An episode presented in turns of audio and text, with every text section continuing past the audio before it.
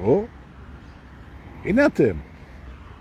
יום ראשון היום, אה, 16, 16 באפריל 2023. נעים מאוד. לי קוראים דורפולס, אני יושב פה כרגע לבד, אף אחד לא יצטרף. נכון? אני מנצל את הזמן שאין פה אף אחד כדי לתת פרטים יבשים. נכון, היום אנחנו במסע על ממדי ההגשמה, שזו סדרת השיעורים הזאת, ואנחנו באפיזודה 164, למרות שאתמול גם אמרתי שזה 164, וזה היה 163, התבלבלתי, מה לעשות. והנה, לימור בחר מזרחי המדווחת הראשונה, למרות שלא בטוח, וקרן פססון השנייה. ושוב אני מזכיר לכל המתמרדים למיניהם, ובצדק, שזה לא אומר כלום, זה רק הבחירה של פייסבוק, את מי הוא מדווח לי קודם, זה לא נכון. אז אתם, וגם שלומית מנו פה איתנו, אהלן הוא הסהלן, מה שלומך? נכון, פתיחה של שבוע חדש, מקווה שאתם שומעים טוב, יש רוח חזקה. אומרת, תשמעו, טוב, תתלוננו, אני אעשה משהו. יש כל מיני... אבל הספוגית אמורה, היא אמורה לעשות את העבודה. אז אוקיי. מה אנחנו נעשה פה היום? ככה באופן ספונטני, שיעור רוחני, מה חשבתם? נכון. זה... אתמול היה שיעור על הדנסיטי, שזה ריכוזים, דחיסויות אנרגטיות. קיבלתי הרבה מאוד תגובות, זה היה שבת גם, וזה היה הרבה... הרבה מאוד תגובות על הדבר הזה. הבנתי מכל התגובות שזה מעניין מאוד את האנשים, העניין של הדחיסות האנרגטית, ולקחתי לתשומת ליבי, ואולי אפילו נקדיש לזה איזושהי סדנה, אולי עם רועי רוזן, נעשה איזה שבת. בקיצור, יהיה, stay tuned, יהיה עוד משהו לגבי הדחיסות האנרגטית. זה נושא שאני רואה שהוא מעניין אתכם. אבל בינתיים, רוצה לדבר היום על משהו לא פחות מעניין, ורק אני אזכיר שמה שאני מציג פה זו צורה להסתכל על דברים, זו תפיסה, וכדאי לנסות ולבדוק אם זה משרת אתכם, אם כן, זה שלכם בכיף, וגם תפיצו את זה בכל צורה, ואם לא, זה לא משרת אתכם, אז תעברו הלאה, דפדפו, ואנחנו נתראה בלייב אחר כך, אין בעיה, הכל בסדר. הנה, אל פרשטיין הצטרף אלינו, וגם רועי רוזן פה. מה העניינים? מיד אחרי שהזכרתי את שמו, בהקשר של איזה סדנה, הוא הופיע. ראיתם? מה המצב? אתמול היה לי זכות להיות uh, במסיבה עם כמה חבר'ה מהקבוצה, ושוב ניגשו מלא אנשים, ושוב נזכרנו כמה אנחנו רוצים לעשות מסיבה גדולה לקבוצה, ואנחנו מחפשים מקום שיחליף את נטור, ושגם יש לו ביטוח, וגם המחיר סביר, וגם שאפשר לעשות רעש, וזה לא פשוט. אנשים שומעים מסיבת טרנס וזה, נבלים, אבל אנחנו מחפשים. זה צריך להיות מקום פרטי, ומקום שאפשר לעשות בו רעש, ומקום עם ביטוח, ושאפשר לעשות שם קמפינגים, ושהוא לא נורא יקר, ושיערך אותנו באהבה ובכיף. אז אנחנו מחפשים לכל אלה ששאלו. על מה? לעזאזל, באנו לדבר היום. הנה חופית בוקי, שהיה לי הכבוד והעונר לרקוד איתה אתמול. היה כיף. נכון. באתי לדבר היום על... שאלה איך אתה קורא לנושא הזה, אבל בוא נגיד, אני אקרא לו רגע התפכחות. התפכחות. התפכחות ממה? התפכחות מפנטזיות ילדותיות של האגו. עכשיו שלא תבינו לא נכון, אני מאוד מחבב את הפנטזיות הילדותיות של האגו שלי, ואני גם נותן לו מקום, גם לאגו וגם לפנטזיות, זה בסדר.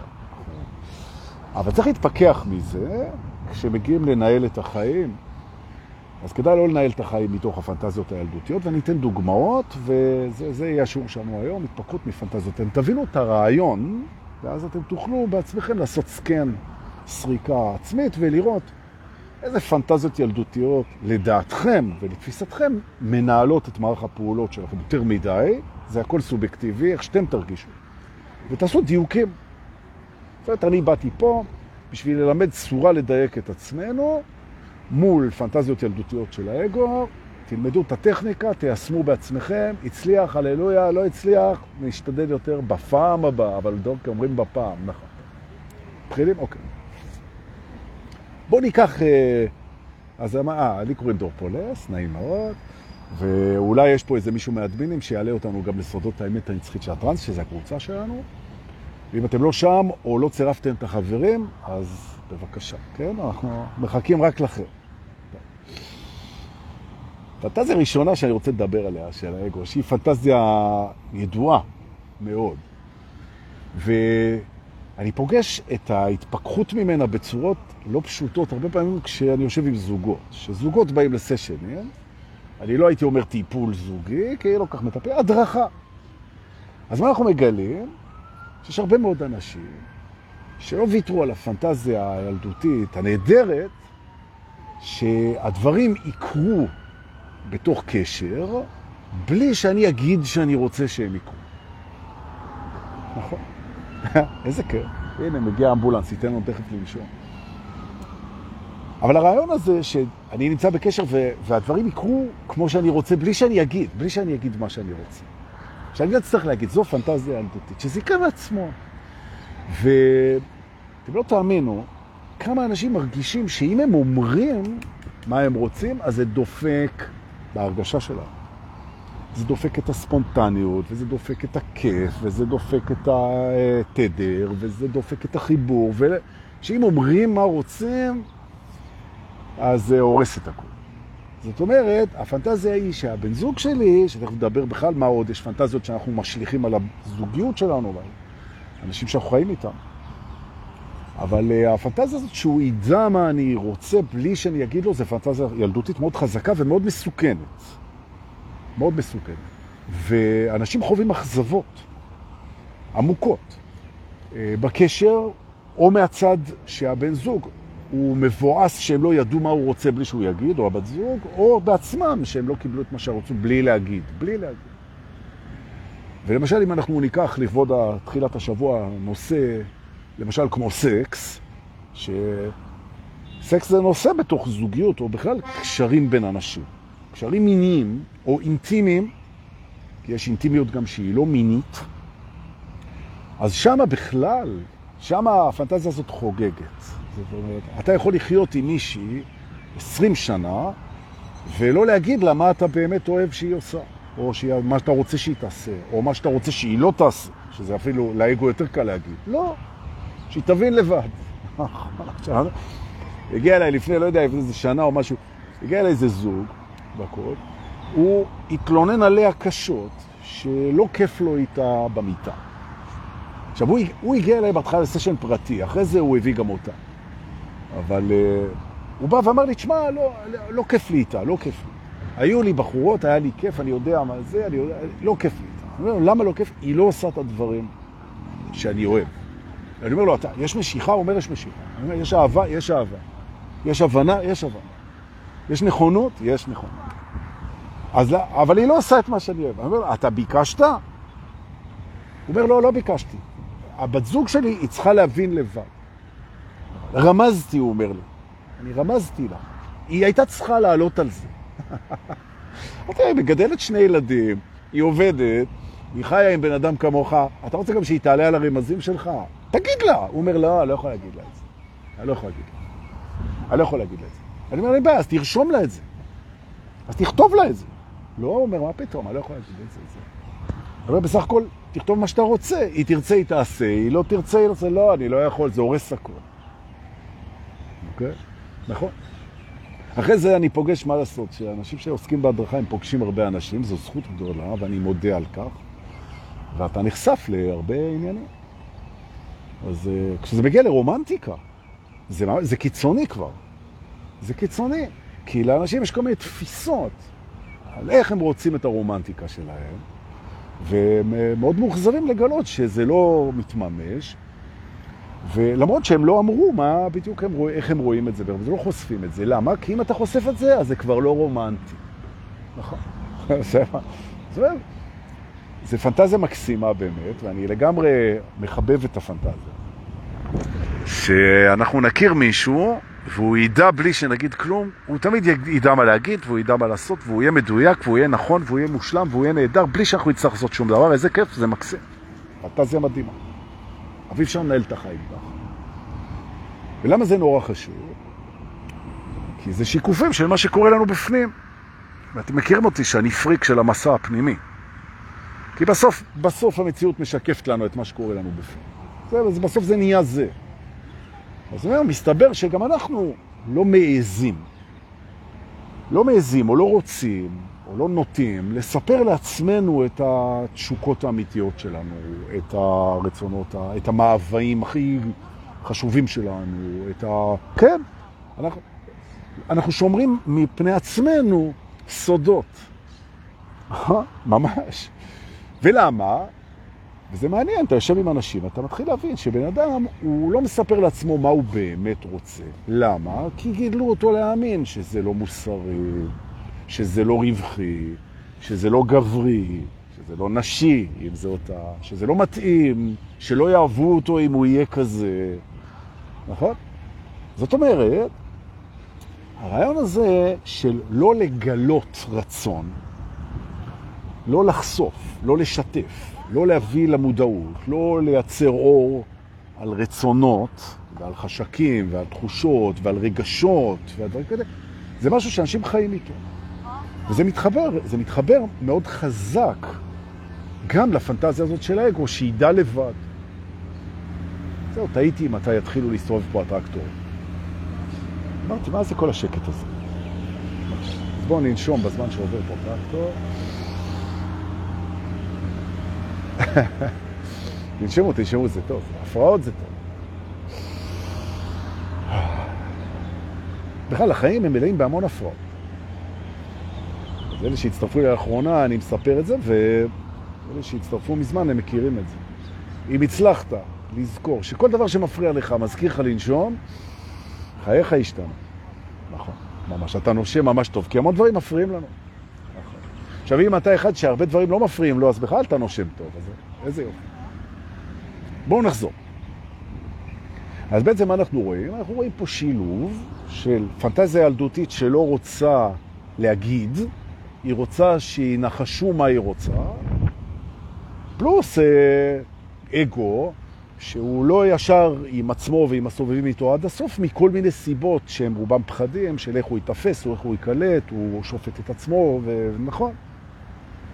עכשיו, כשאתה נכנס לתקשורת זוגית עם עצמך ועם בן או בת זוג, אז חלק גדול מאוד מהפוטנציאל לא מתממש.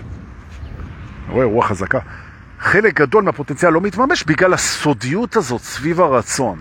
סביב התשוקה, סביב הפנטזיה, סביב זה. אוקיי, תרשמו לעצמכם קודם כל, שכדאי מאוד שתתחילו לרשום, תנהלו מחברת, תקנו מחברת, או שתיקחו מאח שלכם, מהקטן או משהו, ותכתבו שם את הרצונות ואת התשוקות ואת הפנטזיות שיש לכם, שלא יעזתם עד היום לבטא.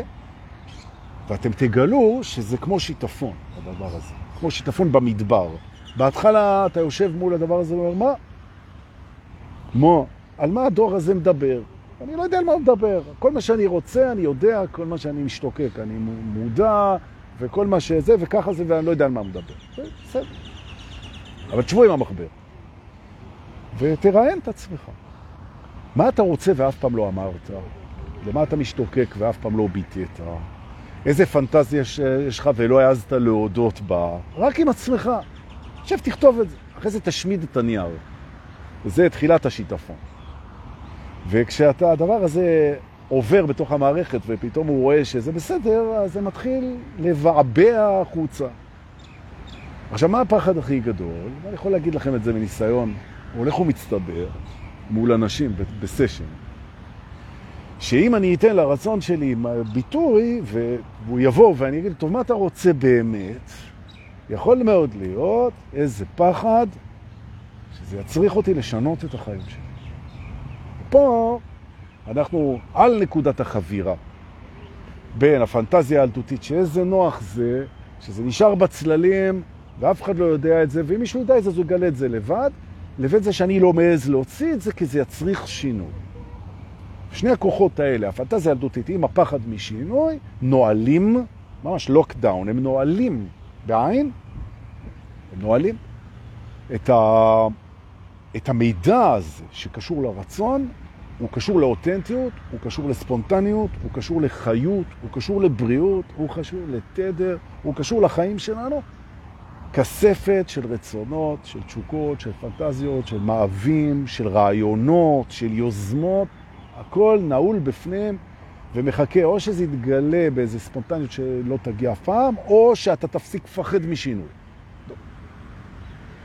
אז למה לא להתפכח מהדבר הזה? היום פה, בשידור, ואיך אנחנו מתפכחים? אנחנו קודם כל מניחים שמה שאני אומר הוא נכון, למרות שזה הנחה.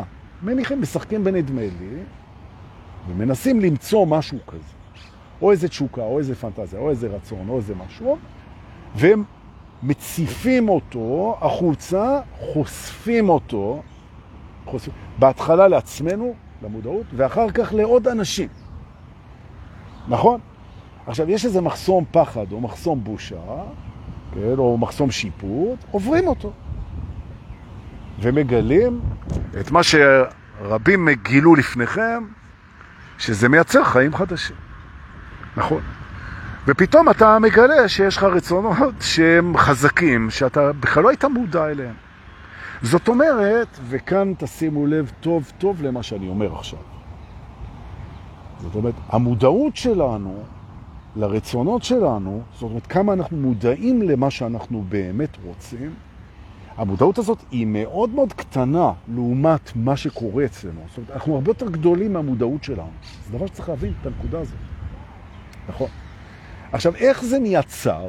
למה המודעות היא כל כך צרה? והתשובה היא, בגלל שקיבלנו חינוך הישרדותי. זאת אומרת, החברה היא כל הזמן מפחידה אותנו הישרדותית. יש אויבים, יש חוסר, תודעות חוסר, תודעות פחד, תודעות לחץ, תודעות בדידות, תודעות... ועוד מעט מתים, ומה יהיה, וזה כאילו... ונכון, זה הסיבה גם שהרבה אנשים הם בפחד ובלחץ ובמחלות ובחרדה והכל. אנחנו בהישרדות מבחינה אנרגטית.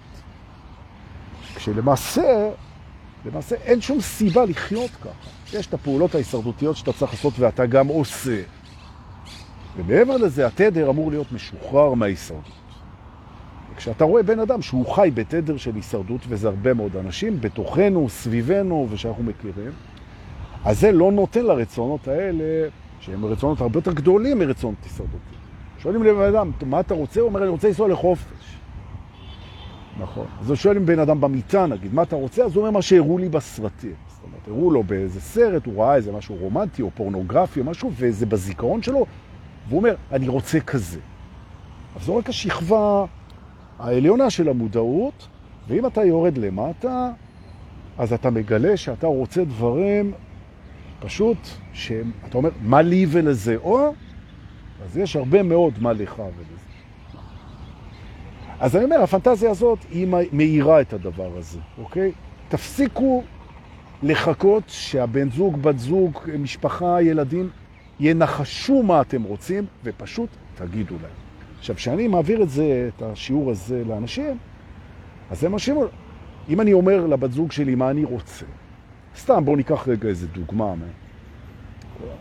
נגיד, ניקח דוגמה מצחיקה, כן? אבסורדית, בשביל שיהיה קל להריץ אותה, כן? אז נגיד, את יודעת, תקווה, אתה אומר לבת זוג שלך שבכלל לא קוראים לה תקווה, כן?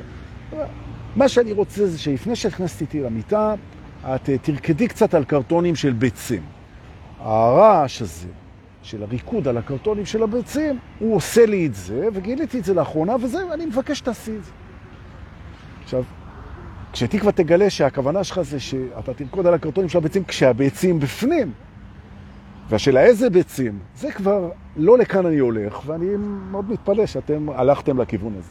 אבל הרעיון הוא שאם אתה חושף פתאום איזה רצון כזה שלך, אז uh, פה נכנס איזה קטע שיכול להיות שתקווה, שהיא כבר השלימה עם זה שבעצם אתם כזוג כבר בעצם מתים, ורק יש לכם עוד 30-40 שנה להעביר בתוך איזו שגרה של ליל סדר וראש השנה, וזהו, ואז קוברים ונהיה שקר. ופתאום אתה בא עם הקרטוני ביצים שלך, ואתה מבלבל את המוח. נכון? אז היא מסתכלת עליך ואומרת, תגיד, מה קרה לך? מה, אתה השתגעת? מה אתה... מה, תלך לפסיכיאטר, אתה נדפקת, אתה, מה היא תחשוב עליי? אני, אני ש... נכון? צריך לעבור את זה. אתה אומר לה, תקווה, גם אצלך יש דברים כאלה, אולי זה לא קרטונים של ביצים. אז בואי נעשה פעם בשבוע, כל אחד יוצא איזה משהו, ונעשה הסכם. וכל היופי בזוגיות, לא, כל היופי זה הגזמה. חלק מהיופי בזוגיות זה הצורה שבה נערכים ההסכמים, נכון? הטרנזקציות. נכון? הסכמים זה דבר יפה, כשהם נעשים באהבה ובתשוקה, נכון. זאת אומרת, זה שאני מבטא רצון, זה לא אומר שתקווה מחר צריכה לקנות בשוק קרטונים של ביצים ולבוא ולרקוד את ריקוד הביצים. לא. זה אומר שאני מספיק בטוח ובשל וער בשביל לחשוף את הרצונות שלי בפניה, ומוכן גם לקבל את זה שהיא תגיד, אני לא בעניין. נכון? כי יותר חשוב שאתה תבטא את עצמך מאשר שתזכה לשיתוף פעולה מיידי. היא תגיד לך, שמע, מאוד נחמד כל הקטע עם הקרטונים ביצים, אני אישה בת חמישי, ואני לא בא לי לרקוד על קרטונים של ביצים, ותעזוב אותי. נכון. ואתה באמת עוזב אותה. נכון? וזה יופי. אבל זה נושא אחר. סיומי קשרים, אנחנו נדבר על זה בהזדמנות אחרת. נכון? צריך ביצים בשביל לעזוב קשר. קרטונים של ביתיים. התרחקתי. אבל הבנתם מה אני אומר. זאת אומרת, הציפייה שאם אני אגיד זה חייב להתבצע? לא. אפשר לוותר רצון. אתה חוזר הביתה מהעבודה, האישה נותנת לך מבט כזה של אולי עדיף שלא חזרת, כן? ואתה אומר לה, וואי, איך בא לי עכשיו שתעשי לי מסז חצי שעה? היא נותנת לך מין מבט כזה שהאם המשיח הגיע? האם צמחו לה שערות בלונדיניות בכף היד? לא. אז מה הסיכוי שיהיה? אפס, אין בעיה. ביטא את הרצון, טוב מאוד. עכשיו, האגו, לא בא לו על זה שהוא יבטא רצון, והרצון לא יקבל תגובה. או, מה, אני אומר שאני רוצה וזה לא קורה, זה פנטזיה ילדותית של האגו. השנייה. היינו הראשונה זה שינחשו מה אני רוצה. אבל דורקי, חפרת את זה אימים, בוא נלך לשנייה, יאללה. הפנטזיה השנייה של האגו זה זה שאם אני אומר מה אני רוצה, זה צריך לקרות. ומתי זה צריך לקרות? כמה שיותר מהר. נכון. כאן ועכשיו רצו. זה פנטזיה ילדותית. שהרצונות שלי יתממשו כולם תמיד עכשיו. כמו שאני רוצה את זה. זה, זה מקסים. ויש מקום לפנטזיה כזאת, זה נכון. אבל אתה יכול לנהל את החיים ככה. עכשיו, כל כך אתה רוצה שזה יהיה, שזה יהיה שיהיה, שאם זה לא קורה, אז אתה מאוכזבי, ואתה אבי מאוכזבי. עכשיו, הנה הגענו לפנטזיה השלישית של האגו, שהיא ילדותית. לא להרגיש אכזבה לעולם. נכון. נכון? בכלל, לאגו יש פנטזיות לגבי מה הוא לא רוצה להרגיש. לעולם אני לא רוצה להרגיש את האכזבה שהרגשתי כשאמרתי לתקווה שאני רוצה את ריקוד הביצה והיא לא עשתה. לא רוצה את זה. חוויתי דחייה נוראית. נכון. איתן, ידעתי שאתה תגיב, ידעתי שאתה תגיב לריקוד הביצה. זה הבעיה עם איתן. אני מביא דוגמאות הזויות, ואחרי זה איתן, הוא מיישם אותם ברצינות. זה מאוד מסוכן, איתן. אתה, אני מתלוצץ פה. ואתה הולך פרסה, הולך על זה כמו שזה. הולך על ביצים. זה המקום להזכיר שאיתן עובד במרץ על אה, חידוש ימי שלישי במועדון השבט, ובקרוב אתם אה, תקבלו אינפורמציה על העניין הזה. נכון? ויהיה מפגש מרגש שפותח את עונת האביב 2023, משהו כזה. במועדון השבט בתל אביב. אני אודיע, אל תדאגו. אז הנה הפנטזיה. הפנטזיה לא להתאכזב לעולם. או, אז אם אני אגיד מה שאני רוצה, אז גם לא ניחשו, לא ניחשו, צריך להגיד. לא ניחשו את רצונותיי, הלכה הפנטזיה. ועכשיו אני אומר מה אני רוצה, ולא מקיימים את רצוני, הלכה הפנטזיה. נכון? שיעשו את זה, ועכשיו לא קיימו את רצוני ואני מוחזב, והלכה הפנטזיה של אני לא להיות מוחזב לעולם. ולכן, עזוב אותי, ואומר האגו, ובוא נשמור על הרצונות הכי שווים, הכי כמוסים, הכי מדהימים, הכי מרגשים, בוא נשמור עליהם בכספת, ואולי פעם אחת עם ה... אז לא. אז אנחנו מתפכחים מהדבר הזה, כמו שאמרתי, מייצרים מחברת של רצונות, חושפים את הרצונות גם מולנו וגם מול אחרים, בידיעה שהמטרה זה להיחשף עם הרצונות, עם התשוקות, עם הפנטזיות, לא לפחד, לתת להם ביטוי, כן, לא לחכות שינחשו אותם, להיות מוכנים לזה שזה לא יתממש, זה בסדר, זה בסדר, להיות מוכנים לזה שזה כן יתממש, זה בסדר, ובכלל להיות מוכנים לניסים ונפלאות, שזה בסדר. יופי. עכשיו אני רוצה לדבר על עוד פנטזיה שכדאי להתפכח ממנה, ו... זה סעיף, הפנטזיה הזאת שאני אדבר עליה עכשיו, זה סעיף שהוא עושה לאנשים הרבה בלגן בראש, והוא זררתם. אוקיי. לאגו יש פנטזיה שנקראת All in One. שזה פנטזיה מהממת. והחפץ שמבטא את הפנטזיה הזאת יותר טוב מכל חפץ אחר בעולם, נקרא אולר שוויצרי.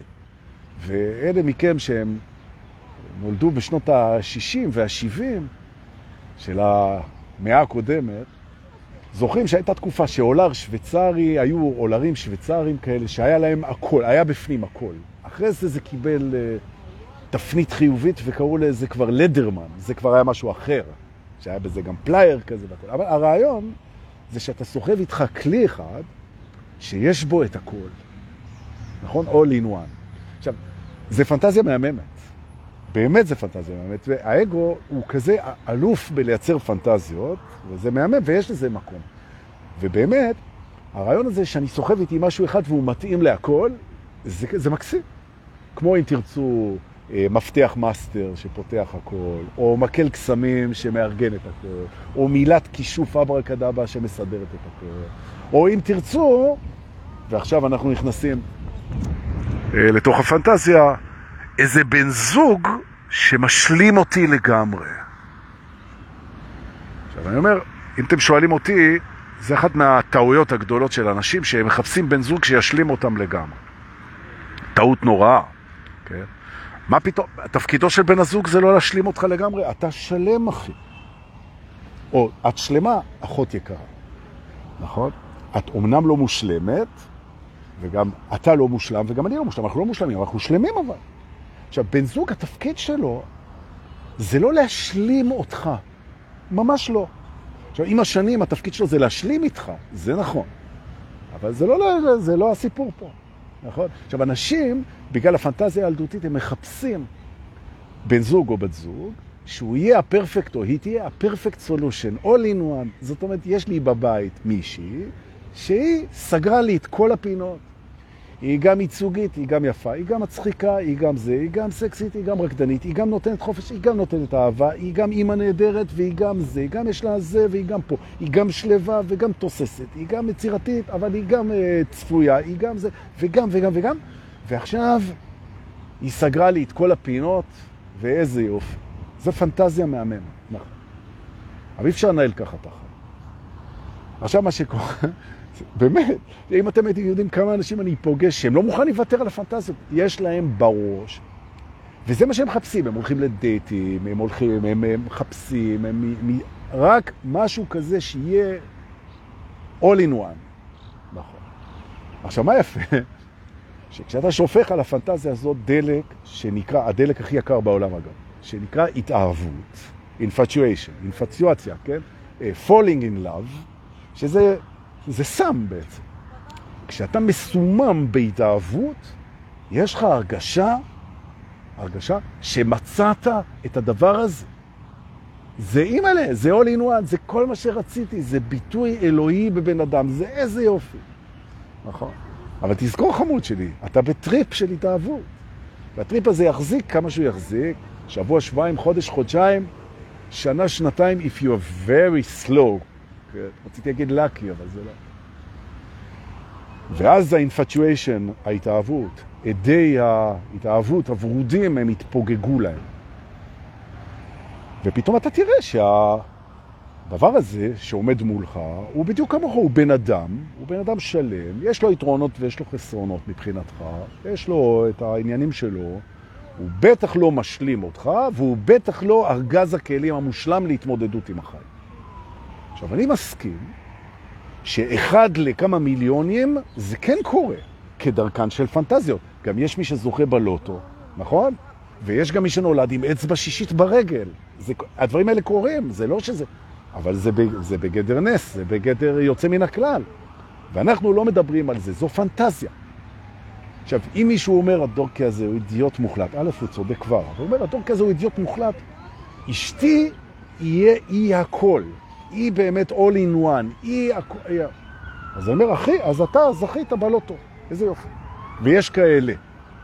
וקינתנו המבורכת, כמו קינת סופרים, שזה פרגון בעצם, ולא צרות עין, נתונה לכם. אבל אנחנו, שאנחנו האנשים הרגילים, אז אנחנו צריכים להתפכח מהדבר הזה, ולהביא בחירה שהיא בחירה שהאגו לא רוצה אותה. ומה שאני אומר עכשיו הוא קשה להרבה אנשים, ואני יודע את זה, והרבה אנשים מתווכחים איתי, וזה לא, לא שהם טועים ואני צודק, זו פשוט תפיסה. קוראים לזה חיים סגרגטיביים. או אם תרצו, תפיסה מודולרית. מה זה כל המילים המפוצצות האלה? אני אסביר. אם אתה מוכן להבין שאתה הבן זוג שלך או הבת זוג של הבת זוג שלך, היא לא תיתן לך פרפקט סולושן. היא לא תיתן לך הכל, כי היא רק בן אדם, גם אתה לא תיתן לה הכל. אז נשאלת השאלה, מה קורה עם הדברים שאתה רוצה לקבל והיא לא מסוגלת לתת? מה לעשות? עכשיו, אתה אוהב לשבת ביום שישי בערב לשתות תה עם נאנה או שיבה, במקרה יותר גרוע, ולגלגל קוביות של ששבש. נכון? והיא לא סובלת ששבש. נכון? היא לא סובלת, או שאתה אוהב לשחק קלפים, והיא לא אוהבת קלפים. או שאתה אוהב לטייל עם ג'יפים במדבר, והיא לא אוהבת את הטלטולים. נכון? או שאתה אוהב לטייל באמזונס, והיא לא אוהבת את היתושים. אז מה? לא תשחק ששבש ולא תשחק קלפים, ולא תיסע לאמזונס ולא תיסע בג'יפים? אז מה אתה עושה? אתה מוצא חברים, וביום שישי אחרי צהריים אתה נוסע איתם למדבר של האמזונס, שאין דבר כזה, ואתה משחק איתם שם שש בשעל הג'יפ. או במילים אחרות, אתה מארגן משהו שהיא לא יכולה לתת לך במקום אחר. זה נקרא תפיסה מודולרית. אתה מרכיב מודול, חלק שהיא לא יכולה לתת, אל תוך החיים שלך. עכשיו, מה קורה? שלפעמים, בתוך הזוגיות, אנשים צריכים כל מיני דברים, והם לא רואים איך זה יסתדר, אז הם מוותרים על זה. למשל, האישה שלך מהממת, אבל היא לא אה, מצחיקה אותך מדי, או היא לא מקשיבה טוב, או הפוך, אתה לא אוהב להקשיב לה. לא יודע, דברים קורים. אתה תוותר על הקשבה בקשר, אתה תוותר על צחוקים, אתה תוותר על הרפתקה. אתה... אז אם זה לא נמצא אצלה, יש אצלה הרבה דברים אחרים, או אם זה לא נמצא אצלו, ויש הרבה דברים, אז זה או לוותר על זה, כן? או להביא את זה במודול ממקום אחר, וזה מצריך הסכם. וההסכם הזה הוא התפכחות מהפנטזיה. בואי, אשתי היקרה אחרי עשר שנים, בואי נבין, אנחנו כבר מכירים אחד את השני, אוהבים אחד את השני, מדברים אחד את השני ועוזרים אחד לשני. בואי נתפתח. מה את רוצה שאני לא יכול לתת לך? בואי נראה איך את משיגה את זה. ומה אני רוצה ואת לא יכולה לתת לי, בואי נראה להשיג את זה. ובואי נעזור אחד לשני להשיג את מה שאנחנו לא יכולים לתת. אה? זו קפיצה במערכת יחסים. עכשיו, הרעיון הזה שננעלים ממישהו בגיל 30 בבית עד המוות, ויהיה מה שיהיה והלאה בא בא לזה, לא מתאים היום. העולם לא מתאים לזה. ואנחנו צריכים להכניס שינויים, ואחד מהשינויים הגדולים זה לוותר על הפנטזיות המטורפות של האגו הילדותי בניהול הקשר. לא לוותר עליהם כפנטזיה, פנטזיות מקסימות, שהם לא ינהלו אותם. נכון. נכון. עכשיו, אתם מכירים אותי. אם אני מבקש לוותר על כמה פנטזיות, אני גם מבקש לא לוותר על כמה פנטזיות. זאת אומרת, להכניס כמה פנטזיות לתוך ניהול הקשר. אה? כי זה לא רק חד סטרי. זאת אומרת, לבדוק איזה פנטזיה היא בלתי אפשרית, והיא לא רצינית, והיא רק הורסת, ולהוציא אותה ולנהל את זה כמו מבוגרים, ולראות איזה פנטזיה היא מקסימה והיא כן עוזרת, ולהחזיר אותה ולנפח באוויר, ואוקיי. נכון. למשל, תראו, הפנטזיה הילדותית הנהדרת של לראות משהו שלא ראינו אף פעם. ילדים הם נורא סקרנים, הם רוצים לראות כל הזמן דברים חדשים, חדשים, חדש, חדש. עכשיו, דווקא הפנטזיה הזאת של לראות כל הזמן חדש, אפשר ממש לעוף עליה, גם בקשר עם עצמנו, גם בקשר עם הסביבה וגם בקשרים זוגיים. נכון. כל רגע יש דברים חדשים, כל רגע. אמרו לנו, תפסיקו כבר עם החדש, חדש, חדש. ההרגל כובש את החיים.